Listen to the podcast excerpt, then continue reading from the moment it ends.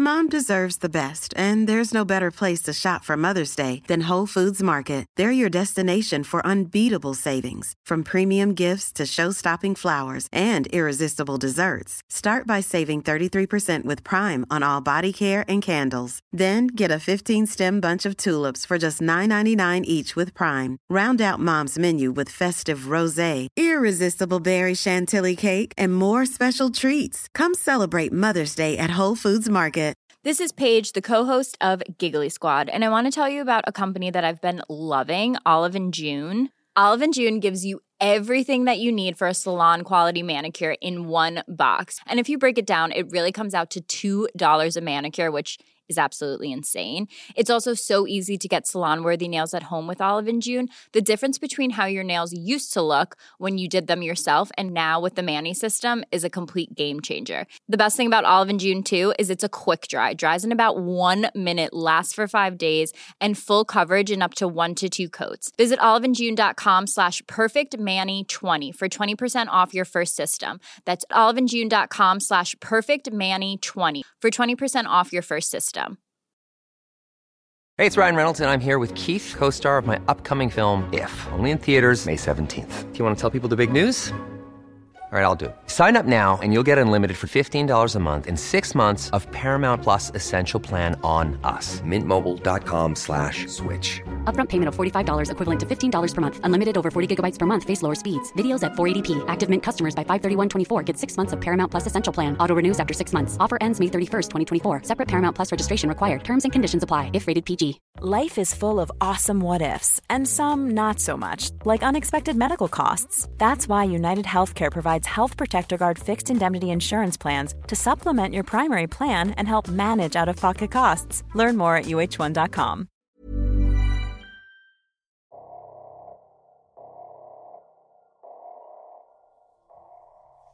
Det är oktober 1907. Amerikas ekonomi är i fritt fall. Marknaderna rasar, banker och företag går i konkurs och allmänheten är fångad av panik. Situationen är prekär, inte ens Federal Reserve kan ingripa. För de finns faktiskt inte ens. Mitt i detta kaos finns en man vars namn inspirerar både respekt och rädsla på Wall Street.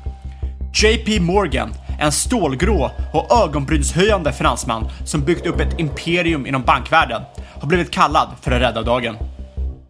Morgans rykte är välkänt. Hans beslutsamhet, hans affärsinstinkter och hans outtröttliga vilja att lyckas. Men nu står han inför en uppgift som inte ens han kanske klarar av. Kan han stoppa paniken och rädda New York, kanske hela landet, från en ekonomisk härdsmälta?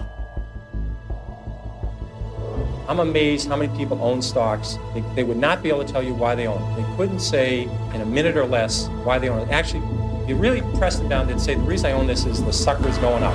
There's enough cash in the financial system, and there's an infinite amount of cash at the Federal Reserve. An infinite amount Put of cash. Put that check in a money market mutual fund. Then we'll reinvest the earnings into foreign currency accounts with compounding interest, and it's gone. So they had to do something. All they had left was just to print money and start buying things. And that's what they did. Quick buck artists come and go with every bull market, but the steady players make it through the bear market. They say money can't buy happiness. Look at the fucking smile on my face. Hej och välkommen till det fjärde och avslutande avsnittet i Market Makers traditionsenliga sommarserie. Det här året har vi backat tillbaka bandet ända tillbaka till 1800-talet för att gräva i livet och arvet av några av de mest inflytelserika personerna i vår historia. Vi har pratat om John D. Rockefeller, Cornelius Vanderbilt och förra avsnittet Andrew Carnegie. Om ni inte har lyssnat på de avsnitten, gå tillbaka och gör det på en gång. Vad är det ni sysslar med egentligen? har ni lyssnat på dem, då kan ni fortsätta lyssna på dagens avsnitt om JP Morgan. Kanske en av de mest kända i det här gänget med tanke på att hans bank fortfarande lever kvar än idag. Vi ska prata lite om vad hans gärning egentligen var i världen. Ja, född i en, i en framstående finansfamilj blev Morgan en ikon inom den amerikanska finansvärlden. Eh, han är känd för sina affärsframgångar och sin roll i att stabilisera det, den amerikanska ekonomin under flera faktiskt finansiella kriser. Och dessutom, en lite kul fakta om JP Morgan var också att han var en av de största konst och boksamlarna för sin tid. Eh, Faktum var att hans boksamling var så pass stor att byggnaden där han förvarade sina böcker, han hade ju en separat byggnad, han hade inget sketen liten bokhylla som måste vara ett folk. Hela den byggnaden han använde för att samla sina böcker blev idag ett eh, referensbibliotek eh, och kallas för Morgan Library and Museum och står kvar i New York City än idag. Så sätt dig ner bekvämt, spänn fast säkerhetsbälten om du sitter i bilen och följ med oss på den otroliga resa genom tid och historia i Market Makers sommarserie.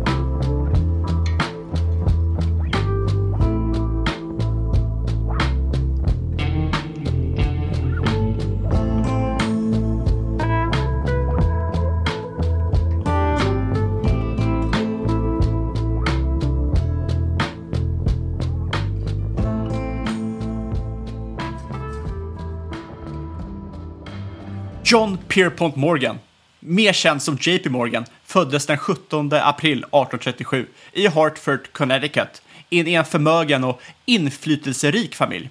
Familjen Morgan tillhörde utan tvekan det högre samhällsskiktet, vilket gav JP Morgan tillgång till utbildning och möjligheter som var långt utom räckhåll för majoriteten av landet. JP Morgans farfar hade bland annat grundat försäkringsbolaget Itna Insurance och det är faktiskt ett bolag som än idag finns eh, kvar. Lite annan form ändå, men eh, namnet finns kvar. Och JP Morgans farfar han lyckades bygga en enorm förmögenhet efter den stora branden i New York 1835. Och han stred även bredvid George Washington i den amerikanska revolutionen. Och det här innebar ju att man var så nära adel man kunde komma i USA. JP Morgans far, Junius Spencer Morgan, var i egen rätt en framgångsrik finansman och det var genom sin far som JP introducerades till finansvärlden. Efter att ha studerat i Boston och i Europa började JP Morgan arbeta hos ett flertal olika banker som sin fars USA-baserade representant, då Junius själv var baserad i London. Tack vare sin naturliga talang för affärer och finans byggde han snabbt upp ett gott rykte i USA. Junius var en hård far, för han hade en enda dröm. Det Rothschilds, den anrika tyska bankirfamiljen, var under 1700-talet ville Morgan bli för 1800-talet. Och det här innebar att sedan barnsben hade JP Morgan blivit ansad för att ta över bankverksamheten. Han lär sig att vara en konservativ företagare, hur man är stoisk och framförallt att vara kalkylerad och detaljinriktad. Far och sonteamet kom igång samtidigt som oljan, stålet och järnvägarna började expandera. Tre områden som vi har täckt i de tre tidigare avsnitten. Och tre industrier som också hade en annan sak gemensamt, ett stort behov av kapital. Det var även en tid av instabilitet och krig, något som ofta innebar likviditetsbrist för de stridande länderna. Det här var ju något som JP Morgan och andra bankirer hade en väldigt fiffig lösning på och gärna hjälpte till att finansiera. Och 1861 grundade Morgan sitt eget företag, J. Pierpont Morgan Company, som sen skulle bli det vi alla känner till idag som JP Morgan. Företaget hade en rad affärsintressen, men fokuserade främst på att agera som mellanhand i köp och sälj av obligationer. Och Det här visade sig vara otroligt lukrativt för Morgan, som tjänade en förmögenhet under det amerikanska inbördeskriget. Bland annat genom handel av så kallade Unionen-obligationer när kriget började vända till Unionens favör. JP Morgan fokuserade även på att attrahera europeiska investeringar in i USA. Eh, han blev den ledande finansiären för amerikanska järnvägar och han skapade också en nationell kapitalmarknad för eh, industribolag. Under 1890-talet var Morgan redan en ledande figur inom den amerikanska finansvärlden.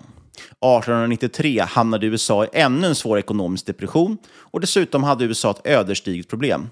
Landet hade endast kvar 9 miljoner dollar i guldreserver. Och som vi vet, på den här tiden hade vi faktiskt en guldbackad valuta, så guldet var otroligt viktigt.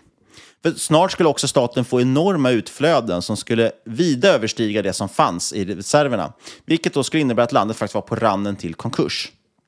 En lösning var tvungen att hittas och den amerikanska regeringen vände sig till JP Morgan för hjälp. USA de funderade faktiskt på att lämna guldstandarden här för att stabilisera ekonomin. Något som JP Morgan starkt satte sig emot då han ansåg att det skulle underminera värdet på dollarn. Istället så bildade JP Morgan ett konsortium av investerare som tillsammans lånade ut över 3,5 miljoner undskuld till statskassan i utbyte mot 65 miljoner dollar i 30-åriga obligationer. Och det här kunde garantera att USA inte skulle få slut eh, på guld, vilket stabiliserade ekonomin. Sen skulle man ju ändå lämna den här guldmyntfoten på 70-talet, men det var långt, långt fram i tiden vid den här tidpunkten. JP Morgans makt och förmögenhet däremot, den accelererade snabbt under de otaliga finanskriserna som avlöste varandra under slutet på 1800-talet. Och inte bara jobbade han med att finansiera bolag, utan i allt högre grad även med att omorganisera och konsolidera bolag och hela industrier. Han fick en expertis helt enkelt genom att sortera ut och överleva kriser kan man säga. Och framförallt fokuserade han på USAs då största industri, nämligen järnvägsbolagen. Just den här förmågan att sko sig på varje kris är återkommande i eh, årets sommarserie. Och läxan man kan ta med sig är att det alltid försöka förbereda sig för att överleva och dra nytta av kommande kriser. För det kommer ju alltid nya kriser. Och precis, och vi har pratat om det tidigare, att lågräntemiljön till exempel har gjort att många har sett det som att man kan leva som att det inte finns någon morgondag. Men i slutändan kommer alltid verkligheten ikapp. Utlöser ny kris, räntorna går upp igen och helt plötsligt måste du betala på de här lånen du tog. Alla vi har pratat om i årets sommarserie har jobbat väldigt mycket med att hålla nere kostnader för att ha en så slimmad kostym som möjligt och därmed kunna överleva en kris och till och med då kunna nyttja sitt över, överblivna kapital till att köpa upp konkurrenter som har tuffa tider. Och om vi hoppar tillbaka till järnvägsbolagen som sagt, som JP Morgan intresserar sig väldigt mycket för. Han var inte ensam det. På den man skulle kunna säga att det var den tidens finanstwitters darlings Alla ville vara inne i järnvägsbolagen och järnvägsbolagen stod för 60 procent av New York-börsen vid det tillfället. Men industrin led av grov överkapacitet och hög skuldsättning, vilket slutade i katastrof i kristiderna. Samma typ av boom-bust-cykler som vi pratar om i många av de här bolagen, både olja, eh, järnvägar men också stålindustrin. JP Morgan slog ihop, omorganiserade och effektiviserade så pass många bolag att han till slut skapade sitt egna järnvägsimperium. Hans konsolideringar och omorganiseringar av företag var så pass stora och aggressiva att det började kallas för Morganizations. uh, men hans mest kända konsolidering var utan tvekan affären vi lyfte förra veckan när han köpte Carnegie Steel Company från Andrew Carnegie för 480 miljoner dollar. Och gjorde Carnegie till en av världens rikaste män och det skapade det första miljardbolaget. Yes, och anledningen varför Morgan ville åt bolaget var för att slå ihop det med flera andra stål, kol, mining och shippingbolag som han själv ägde. Eh, målet för det här var ju såklart att kunna nå högre skalekonomi, reducera transport och resurskostnader, eh, expandera sitt sortiment och framförallt för att förbättra distributionen så att USA kunde konkurrera internationellt med Storbritannien och Tyskland. För de var ju, USA var ju fortfarande väldigt eh, liksom, eh, USA-centriskt på den här tiden, fokuserade väldigt mycket på intern produktion. Den här sammanslagningen skapade som sagt US Steel, världens första miljarddollarföretag, som du säger Niklas. Och de hade en marknadsandel om eh, över 60 procent av stålmarknaden, två tredjedelar av stålmarknaden vid skapandet. Och efter att han hade köpt, det är lite roligt, efter att han hade köpt Carnegies bolag så erkände faktiskt JP Morgan att han lätt hade kunnat betala 100 miljoner dollar till för det här bolaget. FOMO. Verkligen, verkligen.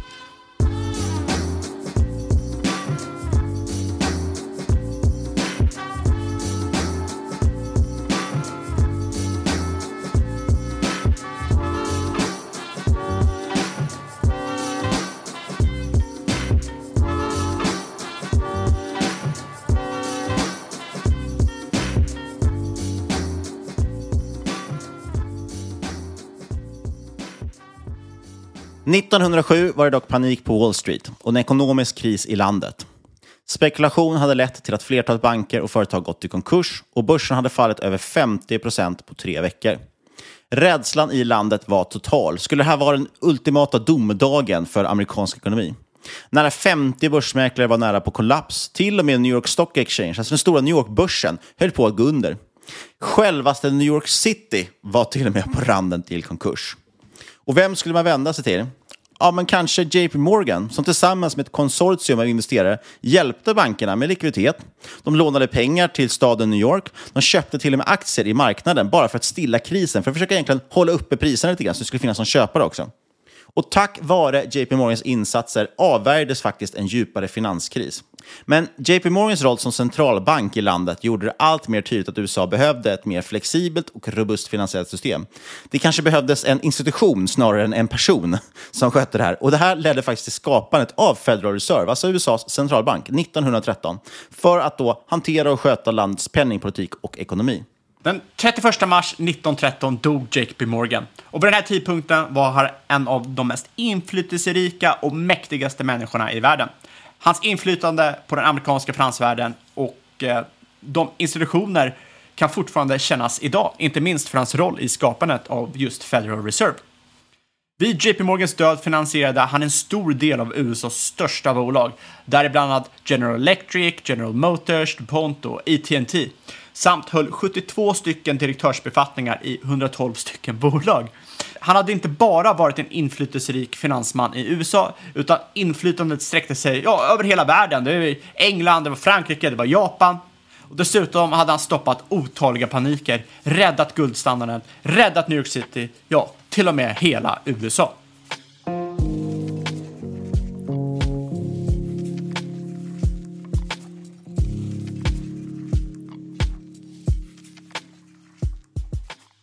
Ja, ska man då försöka sammanfatta lite, vad är de gemensamma lärdomarna från de här fyra avsnitten, den röda tråden? För det första, Någonting som är väldigt intressant tycker jag, det är att alla de här männen är väldigt kostnadsmedvetna. De fokuserar hela tiden på kostnaderna i sina företag. Varje liten sten vänds på för att se, kan man spara någonting, öka marginalen ytterligare? För fördelen med en ökad vinstmarginal, det är lätt att bli fat and happy. Om du har ett stort bolag som omsätter väldigt mycket pengar och du kanske har en 2-3% marginal, då tjänar du väldigt bra med pengar på det ändå. Och då är det lätt att bli så att säga fat and happy. Men så fort krisen slår till, inflationen sticker upp, du kanske inte kan höja priserna tillräckligt mycket, då är plötsligt din vinstmarginal negativ. Om du redan i förväg jobbar med kostnadsbesparingarna och inte när, de verkligen, när det är kris, utan jobbar med dem i goda tider, hålla ner kostnaderna, öka vinstmarginalen, då har du större marginaler helt enkelt även när det blir en kris. Och det här går även igen, tycker jag, i deras liksom, privata liv, eller vad man ska säga. Nästan alla de här jobbade med bolagsbyggande och investeringar vid sidan av sina första jobb. Så att de satsade först på att, liksom, trots att de, eh, ja, som vi pratade med, med Vanderbilt till exempel, han kunde lätt ha hoppat, liksom, fortsatt med sitt eget rederi och inte jobbat då på sin kollegas rederi samtidigt med ångbåtarna. Eh, eller vi såg det också med eh, Carnegie som hade sitt jobb samtidigt som han höll på att investera. Han tjänade nästan 20 gånger mer på sina investeringar än vad han tjänade på sitt lönearbete. Men de såg fördelen av att bygga kontakter, att bygga kompetens, men också i till exempel Vanderbilts fall hitta en språngbräda in i en ny spännande teknologi. Exakt, det är ju otroligt viktigt att bygga upp sin circle of kompetens. Och jag tror väl kanske många underskattar hur svårt det kan vara. Det är egentligen inte bara att sätta sig ner eh, och sitta och läsa om det. Oftast behöver du faktiskt vara ute och eh, kanske jobba direkt liksom, i, i branschen. Och se verkligheten. Se, se verkligheten, se vad som händer för att effektivt kunna sätta pengar i arbete. Och jag tror också det finns en tanke om just det här med, som jag pratade om, kostnadskontrollen som man applicerade väldigt rigoröst i sina företag, applicerar man även på sig själv. Dels med att man lever efter den gyllene regeln, det vill säga spendera mindre än vad du tjänar.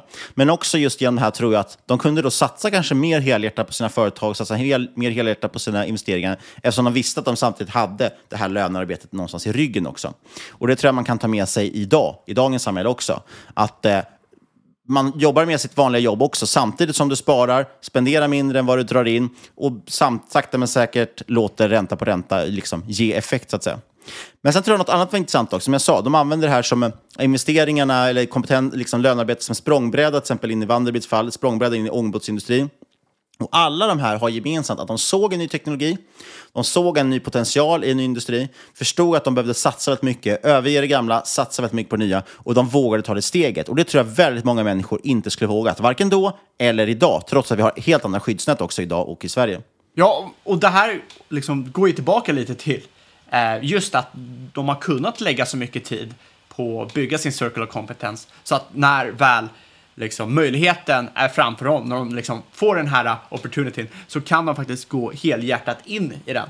Och eh, det som är intressant är att många av de här grabbarna, de insåg ju att det var ju nästan större risk att stå utanför än att faktiskt gå all in här, för att ja, de kanske hade kunnat, hade det gått fel hade de kanske förlorat pengar, men eh, sk sk skulle de inte göra det här så skulle de aldrig kunna förlåta sig själva igen. Nej, och jag tror det är svårt. Det är lätt också att bli medryckt då och drabbas av FOMO och så hoppa på det nästa nya hype-tåget. Det gäller ju fortfarande som sagt att identifiera verkliga möjligheter och ett plats man verkligen kan tjäna pengar på det. Jag tror ibland dock att vissa också blir tillbakahållna att eh, tänka att man ska diversifiera, du ska ha minst 10-15 bolag. Och det är en väldigt bra strategi och även fonder är en bra strategi när du bara har liksom ett passivt månadsspar som du har vid sidan av till exempel ditt jobb. Men när du ser en möjlighet, då måste du också kunna vara redo att skifta över och säga att okej, okay, men det här, det här kan jag faktiskt tjäna otroliga pengar på. Då kanske lämna den här trygga hamnen med diversifiering och dina fonder och så satsa stort på just den grejen. Eh, sen absolut, man tar en väldigt stor hög risk. Man måste förstå att det här gör man inte med de pengarna som du har sparat i husrenoveringen kanske, utan det här är ju om du vill bygga som de här människorna då, eh, general, generational wealth som man pratar om, alltså en, en rejäl förmögenhet. Eh, så då gäller det att identifiera de chanserna och verkligen satsa när du väl får en sån chans, om det kommer en sån chans. Absolut, och en, en ytterligare grej som jag tycker är väldigt intressant här är att, ja, förutom möjligtvis JP Morgan, så var ju ingen av de här herrarna särskilt liksom, välskolade. Det är inte så att de hade gått eh, på världens finaste universitet Um, utan, utan många var ju liksom, gick livets hårda skola. Bokstavligen, med tanke på att de, nästan alla började jobba som barn. Ja. uh, men alla är också verkligen tydliga doers, som man säger, som verkligen jobbar. Och jag har ju, idag skulle nog sam, hela gänget också kallas för arbetsnarkomaner. Uh, jag har ingen bättre, större insyn i deras familjeliv, men jag kan tänka mig att arbete var det som slukade mest i deras tid. Speciellt som sagt med tanke på att man kanske, som Vanderbilts fall, driver ett helt skepparindustri på, på sidan av sitt vanliga jobb. Uh, så tror jag att det här var personer som arbetade väldigt, väldigt mycket. Men det finns också ett stort värde i det som man måste förstå. Vi pratar lite om ränta på ränta. Ränta på ränta gäller inte bara liksom investeringar, även om det också är jätteviktigt. Och alla de här började investera tidigt på olika sätt och fick då ränta på ränta på sitt kapital, vilket ledde till att i princip samtliga var världens rikaste när de dog. Men det handlar också om att investera tidigt i andra saker, i till exempel lärande. Antingen att genom att läsa saker, förstå andra saker, men också genom att arbeta. Genom att du ger ut i industrin, skapar ett nätverk, du skapar kunskap, kompetens, erfarenhet. Allt det där har också en ränta på ränta-effekt, att det byggs upp över tid. Eh, ditt nätverk växer exponentiellt, dina kunskaper och din kompetens växer exponentiellt. Och det här är också, tror jag, en stor viktig grej, att det kanske inte ser så mycket ut i början när de harvar på och jobbar med något enkelt jobb, men ger det 20, 30, 40, 50 år så blir det en enorm hävstång av det där tidiga arbetet.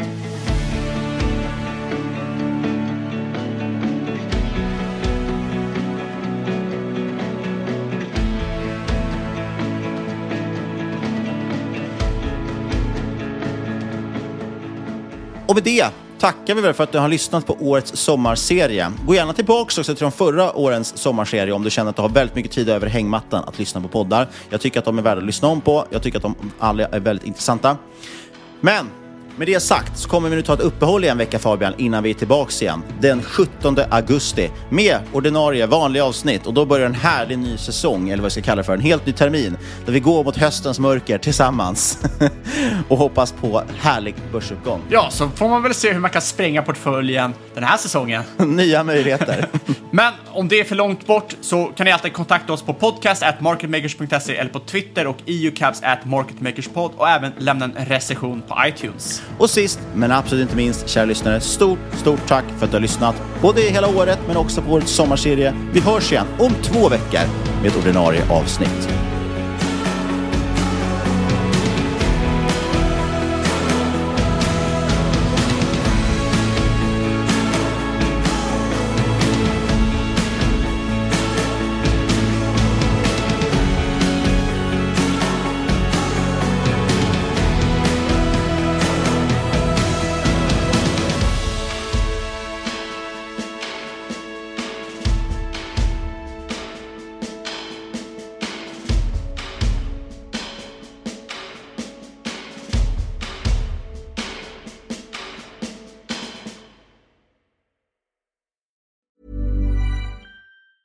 Mom deserves the best, and there's no better place to shop for Mother's Day than Whole Foods Market. They're your destination for unbeatable savings, from premium gifts to show-stopping flowers and irresistible desserts. Start by saving 33% with Prime on all body care and candles. Then get a 15-stem bunch of tulips for just $9.99 each with Prime. Round out Mom's menu with festive rosé, irresistible berry chantilly cake, and more special treats. Come celebrate Mother's Day at Whole Foods Market.